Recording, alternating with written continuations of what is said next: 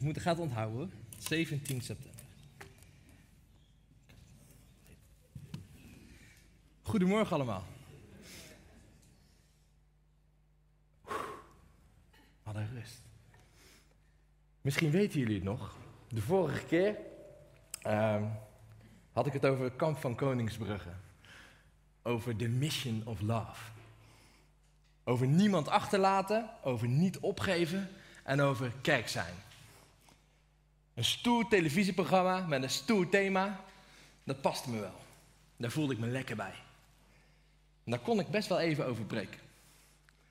En vandaag wil, of nou ja, wil, ga, ik jullie een van mijn guilty pleasures verklappen. Iets minder vet, iets meer emo-tv. Maar vanavond zit ik toch echt weer klaar voor de laatste aflevering van Boer zoekt vrouw. Zijn er mensen die dat ook kijken? Ja, ik zie vooral vrouwen. Oh, kijk, gelukkig ook man, ik ben niet de enige. Ja, ja dat is toch ja. Gelukkig. Maar waarom vertel ik dat nou? Tijdens Boer vrouw zag ik telkens boerin Janine met haar schapen uit Limburg, die hopeloos op zoek was naar de liefde. En nu wil ik het vandaag dus niet hebben over de Mission of Love. Daar is wat boeren betreft Yvonne Jaspers veel beter in. Vandaag wil ik het hebben over de schapen en over de herder. Of in dit geval de herderin, maar we gaan het over de herder hebben.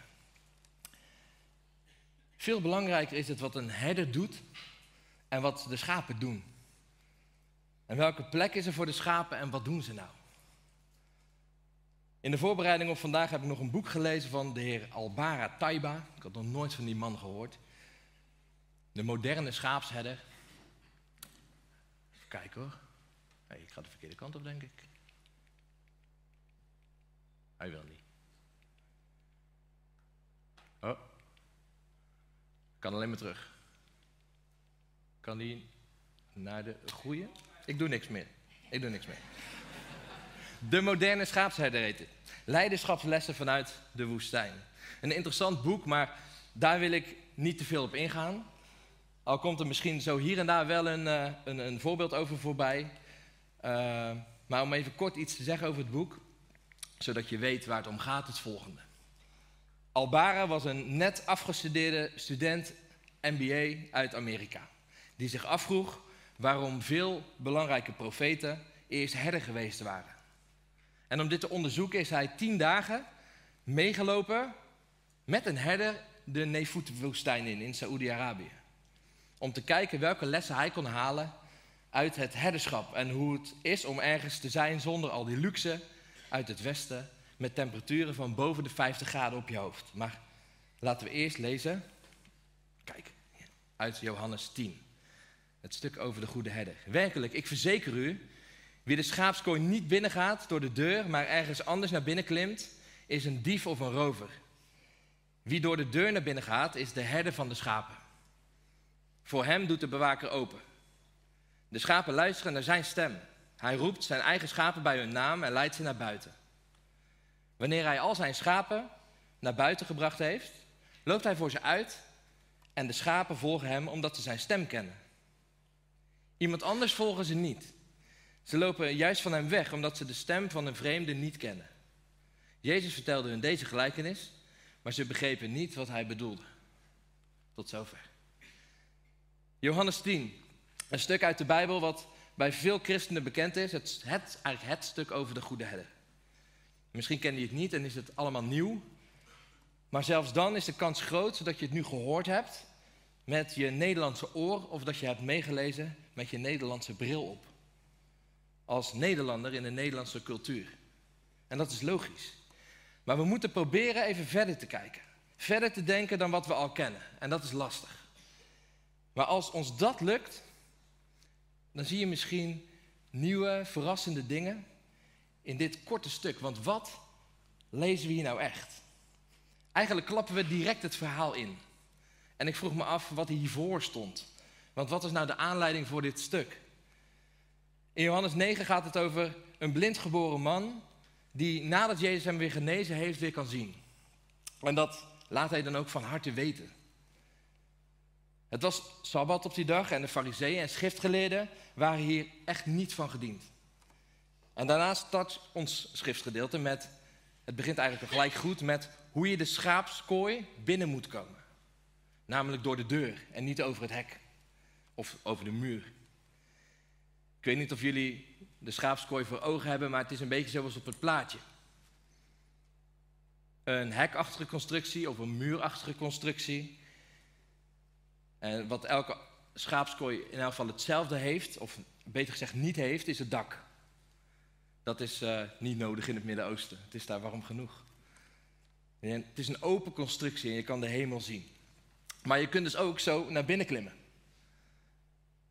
En dat is zoals Jezus zegt niet de bedoeling. Dan ben je een dief of een rover. In mijn oren klinkt dat trouwens hetzelfde. Een dief of een rover. Ik uh, begreep dat niet helemaal goed, maar in de Bijbel maken ze daar onderscheid tussen. Als je een dief bent, dan stil je in de verborgenheid, stiekem. En als je een rover bent, dan is het meer in die open. Dan ben je meer de overvaller, waar andere mensen ook last van je hebben. Maar beide waren er in elk geval niet met de goede intentie. Om er voor de schapen te zijn. Maar alleen maar voor eigen gewin. En vandaar dat het direct naast staat te lezen dat degene die door de deur binnenkomt, de herder van de schapen is. De termen schaapskooi, herder, schapen en, en dergelijke kennen we misschien vooral geromantiseerd. Zoals bij Boerzoekvrouw. Of als het niet geromantiseerd is, dan in elk geval vernederlandst. Naar een beeld helemaal gezien vanuit onze cultuur. De groep mensen waar Jezus op dat moment tegen spreekt, en waar Johannes zijn evangelie ook voor schreef, die begrepen dit maar al te goed. Dat waren namelijk de Joden zelf. In hun eigen cultuur met hun eigen religie. De schaapskooi uit het boek van Albara Taiba lijkt hier wel op. En hoe het daar in zijn werk ging ook. In die woestijn. Voor de herder die door de deur binnenkomt, doet de bewaker open. Die is bekend. Dat is veilig en ook de schapen kennen hem. De schapen luisteren naar zijn stem. Hij roept zijn eigen schapen bij hun naam en hij leidt ze naar buiten. Dat is een bijzonder stuk, vind ik. Uit het boek van Albara leerde ik dat inderdaad dat, dat, dat de schapen niet echt van plan zijn om naar vreemden te luisteren. Ze luisterden bijvoorbeeld niet naar hem. Hij was nieuw. Nieuw voor die schapen, nieuw in die schaapskooi. Ze kenden hem niet en ze kenden dus ook zijn stem niet. De echte herder in het boek, die heette toevallig Abraham, die was er ook bij. En naar hem luisterden ze natuurlijk wel. Een klein zetje, één klein zetje zo, bij één schaap, de schaapskooi uit, was voor de hele kudde genoeg om de herder te volgen. En dat vond ik bijzonder om te lezen. Ik had verwacht dat eigenlijk zodra het hek open zou gaan, dat die schapen wel zouden gaan lopen. Van ja, dan mogen ze eindelijk naar buiten, toch? Opgesloten, de deur gaat open en ik ga. Maar dat was dus niet het geval. Ze moesten toch, er was toch een duwtje in de rug, een duwtje in de goede richting nodig. Om de boel op gang te komen. Maar eenmaal op gang was er helemaal geen gepush meer. Geen geduw of gejaag nodig om die schapen te laten gaan. Ze volgden gewoon de herder, achter hem aan.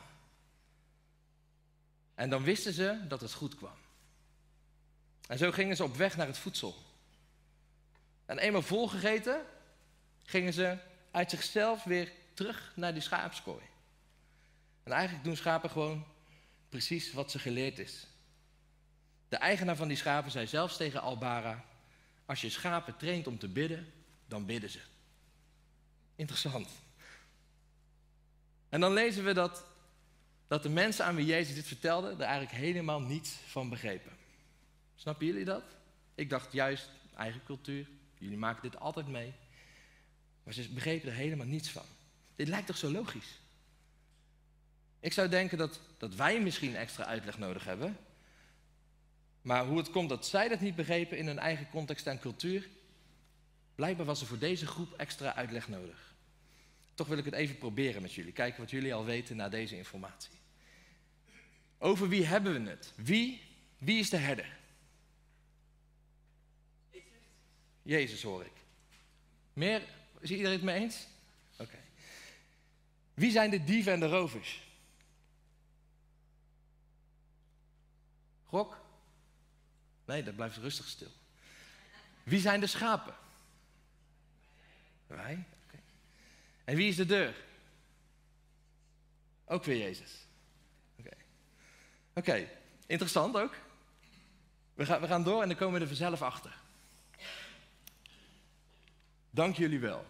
Werkelijk, lezen we een stukje verder in uh, Johannes 10. Werkelijk, ik verzeker u, ik ben de deur voor de schapen.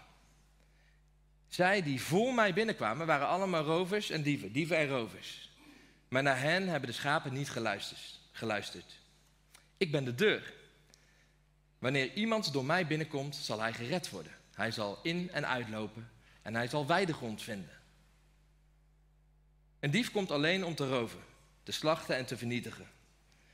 Maar ik ben gekomen om hun het leven te geven in al zijn volheid.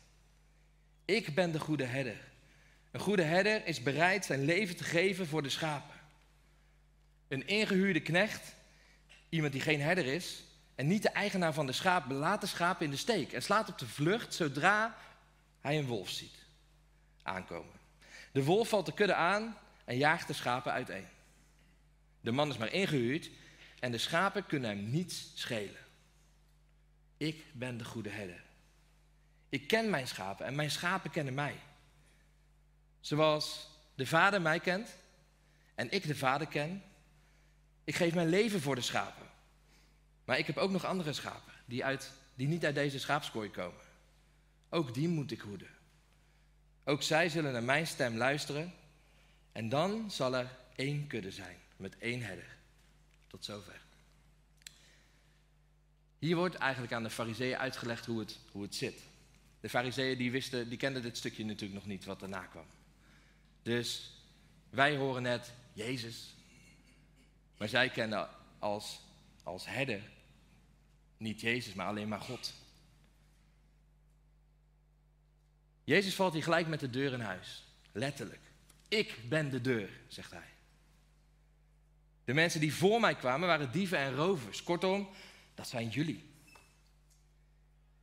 En daar hebben de schapen, dus het Joodse volk, daar ging, de schapen waren het Joodse volk, niet naar geluisterd. En dan zegt hij het nog een keer. Ik ben de deur. Wanneer iemand door mij binnenkomt, zal, het, zal die gered worden. Die zal in en uitlopen en groene weiden vinden. Een dief komt om te roven, maar ik, Jezus, wil hun het leven geven in alle volheid. Ik ben de goede herder. Ik ben bereid mijn leven te geven voor die schapen. En dan gaat het nog even heel kort over een ingehuurde knecht. Die zal vluchten en de schapen in de steek zal laten. Als het gevaarlijk wordt, maar dan zegt Jezus nog een keer: Ik ben die goede herder. Ik ken mijn schapen en de schapen kennen mij. Zoals de vader die mij, ken, mij kent en ik de vader ken. Maar ik heb ook nog andere schapen. Die niet van deze schaapskooi komen. Ook die moet ik hoeden en zij zullen naar mijn stem luisteren. En er zal er één kudde zijn met één herder. Nu was het voor de, voor de fariseeën denk ik wel duidelijk. Zeker ook omdat Jezus zijn woorden zorgvuldig gekozen heeft. En ik denk dat wij ook echt kunnen leren van die uitleg. Wij kennen het woord schaapskooi volgens mij alleen als het woord schaapskooi. Ja, als je in Dordrecht woont, ken je het ook nog als een soort bar bij FC Dordrecht, waar de kleine kinderen, zeg maar de, de lammetjes wordt die genoemd. Maar het woord schaapskooi kennen wij alleen als een schaapskooi voor, voor, de, voor de schapen. Dat is één woord. En dat denk ik zelfs een woord wat je niet elke dag langs hoort komen. En toch wil ik daar even op ingaan. Op de schaapskooi. Het Griekse woord wat hiervoor gebruikt wordt, is namelijk het woord aule. Aule. En aule, daar komt ons Nederlandse woordje aula vandaan. Een aula was oorspronkelijk een ommuurde plaats. Het had geen dak, zoals ik al gezegd had, dat is niet nodig in het Midden-Oosten. En net, zoals de Romeinen hun atrium noemden, een binnenplaats van een gebouw, het middelpunt van het familieleven. Maar waarom gebruikte Jezus nou specifiek dit woord? Aleh betekent niet alleen schaapskooi. Het is ook een vertaling van het woord voorhof. Voorhof van de tabernakel of voorhof van de tempel. Dat werd Auleh genoemd in het Grieks. En dat komt in de Griekse vertaling van het Oude Testament wel honderd keer voor. En ook in het Nieuwe Testament komen we het tegen als voorhof van de tempel. Het is de plaats waar je samenkomt. De plaats waar wordt geofferd, waar je samen je offers bidt. Het huis van God. Het is dus niet toevallig dat Jezus nou net dit woord kiest, met deze betekenis. Nu begrepen ze eindelijk allemaal zijn gelijkenis. Het hoofdstuk gaat nog, gaat nog even door. En aan het einde van het hoofdstuk moet Jezus voor de tweede keer kort achter elkaar vluchten om niet gestenigd te worden. Kijk, wat, wat iets betekent, dat is één. Maar waar iets op van toepassing is, is een tweede. Als ik kijk naar hoe ik jarenlang in de kerk zat, dan durf ik wel te zeggen dat ik echt met een verkeerde motivatie in de kerk zat. Als kind viel het wel mee, toen mocht ik ook gewoon vaak de dienst uit. Natuurlijk ging ik als kind, in mijn geval was het natuurlijk, gewoon mee omdat mijn ouders naar de kerk gingen. Mijn ouders brachten me daar, dus ik had weinig keus. Op zondagochtend en ik ging naar vriendjes en vriendinnetjes van de toen nog zondagschool. Ja, wij hadden geen toffe naam als Wonderland. Dat had het misschien nog leuker gemaakt. Maar zo groeide ik op en ik bleef gaan. En ik moet zeggen, als, als tiener vond ik de dienst echt wel dodelijk saai op zondag. Zondagochtend, vaak sliep ik. En vond ik dat ik er toch niks aan had. De muziek, uh, ja, die was niet te doen. En de boodschap van de preek was vooral voor oude mensen. En als ik die boodschap trouwens al meekreeg. Want wat ik zei, vooral sliep ik. Ik was vaak in dromenland. En overleefde de dienst slapend. Omdat ik er toch niets aan zou hebben. Dat was mijn insteek. Kortom, kansloze zondagen. Omdat ik verwachtte er niets van te krijgen, er iets van te krijgen wat ik niet kreeg. Het was niet dat ik niet geloofde, maar ik kreeg geen, geen voeding in de kerk. Dat kon toch niet de bedoeling zijn? En toen was ik 19. En toen werd ik wakker, figuurlijk en letterlijk. Eindelijk kwam ik erachter dat ik niet voor mezelf in de kerk zat. En dat ik kon zeuren op de muziek of dat ik niets had aan de preek, geen voedsel voor mij. Maar dat deed er niet toe. Ik ging er niet meer voor mezelf heen. De knop was om en ik ging naar de kerk om God te eren. Om Hem groot te maken. Om Zijn naam te prijzen. En vanaf het moment dat ik zo tegen de dienst aankeek, werd de hele kerkgang ontzettend anders voor mij. Dat was echt een wereld van verschil. Het deed er niet meer toe of de nummers die we speelden wel pasten bij mijn gevoel van die dag. Of dat de preek aansloot bij wat ik nodig had. Ik was er voor hem. En niet voor mij. Dat was echt een wereld van verschil. En ik hoor het nog wel eens. Ik had niks aan de worship vandaag. Nou, dat kan kloppen. Dennis zei het volgens mij ook al een keer. Dat klopt ook, want die worship is niet voor jou. Die is voor God. En wat ik ook wel eens hoor is, ik heb echt helemaal niets aan de laatste tijd. Het voedt me helemaal niet meer. En ook dat is eigenlijk helemaal oké. Of zelfs logisch, kwam ik afgelopen week achter. Voor mezelf was het al zo dat ik mijn voeding niet per se zocht in de zondagsdiensten, hier of ergens anders. Maar juist buiten de zondagsdiensten om. En dat fenomeen werd afgelopen week voor mij eigenlijk alleen maar bevestigd in het stuk wat ik las uit de Bijbel. En het commentaar wat ik erop nasloeg. Denk even terug aan die schapen in de schaapskooi. De schaapskooi, de kerk als schaapskooi. De schaapskooi mogen we zien, mogen we ook zien als kerk. Laten we het eens op die manier bekijken. De kerk als schaapskooi in een woestijn.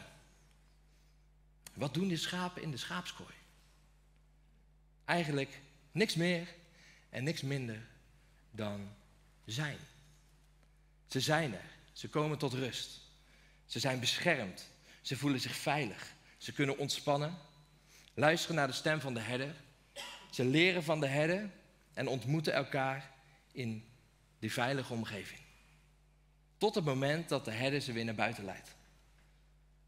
Al vinden die schapen het ook wel chill, kwam ik dus achter in die schaapskooi. Ze moeten wel af en toe naar buiten toe. Dat is echt belangrijk. Maar waarom?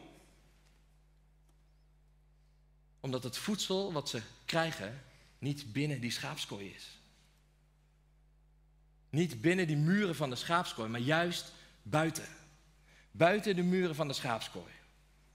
Alhoewel dat soms nogal verdord is, of een woestijn is. Buiten de schaapskooi is het eten. Buiten de schaapskooi is het voedsel. Het geheim is dit. Als je geestelijk voedsel wilt hebben, moet je niet in de kerk zijn. Dan moet je niet in het huis van God zijn.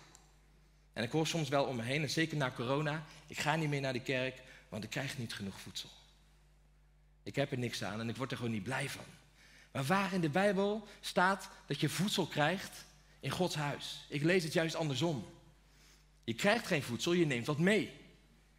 Je wordt misschien niet blij, maar je komt met een blij hart. Dat staat in de Bijbel. En dat lezen we ook weer hier. Het voedsel van de schapen is niet in de schaapskooi, maar buiten de veilige muren van de schaapskooi. Daar moet je zijn. Hoe fijn het soms ook in de kerk is. Voor voedsel moet je naar buiten, uit je chille omgeving, uit je comfortzone, misschien wel uit je veiligheid, maar wel naar buiten. En ik zeg nu wel uit de veiligheid, maar dat is natuurlijk niet waar. Want juist buiten die veilige muren van de schaapskooi, juist buiten de veilige muren van de kerk, is er de herder om je te beschermen. Tegen uitdroging, tegen wilde dieren, dat is zijn werk. Daar is hij goed in. Juist buiten is hij erbij. Het mooie wat ik leerde afgelopen week is wel dat de schapen juist buiten kunnen grazen en vrijheid hebben om een stukje te lopen en te onderzoeken. Binnen in de schaapskooi is er geen voedsel, maar wel ontspanning en de mogelijkheid om even bij te komen in de rust. Jezus zegt niet voor niets, ik ben de goede herder die zijn leven geeft voor de schapen. Vier weken geleden vierden we Pasen. En dat was niet voor niets. Hier zegt Jezus dat hij zijn leven geeft voor de schapen. Aan het einde van dit hoofdstuk moet hij weer vluchten voor zijn leven, om niet gestenigd te worden. En niet veel later gebeurt er ook echt wat hij gezegd heeft. Hij geeft zijn leven daadwerkelijk. Even terug naar het voedsel. Is er dan nooit voedsel binnen de muren van de kerk? Binnen de schaapskooi? Soms is er wel een keer voedsel natuurlijk. Maar zie dat dan als een soort uit eten gaan. Een uitzondering die extra fijn is. Een feestmaal. Gehaktballetjes van uh. Normaal gesproken is het achter de herder aan, naar de velden, om daar te eten. Kijk, de liefde van de man gaat door de maag, zeggen ze. Maar dan is één keer in de week op zondag voedsel krijgen wel echt heel weinig. En dit geldt natuurlijk niet alleen voor mannen, maar voor iedereen. Eén keer in de week voedsel krijgen is echt heel weinig. Juist door de week. Zoek je voedsel juist door de week. In je kring, in je stille tijd, in je gesprekken op school of op je werk, op internet of via een podcast, of op welke manier dan ook er bij jou past. Elke dag een beetje eten is veel beter dan de hele week niks en dan maar hopen dat de maaltijd op zondag voor jou is. Luister naar de herder. Als je hem misschien niet goed hoort, moet je misschien wat rustiger zijn.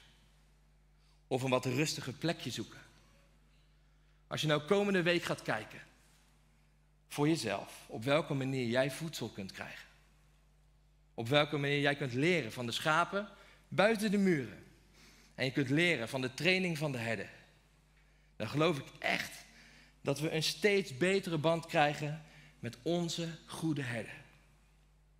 Dat we hem steeds meer en steeds beter gaan verstaan en begrijpen. Want hij is ons grote voorbeeld.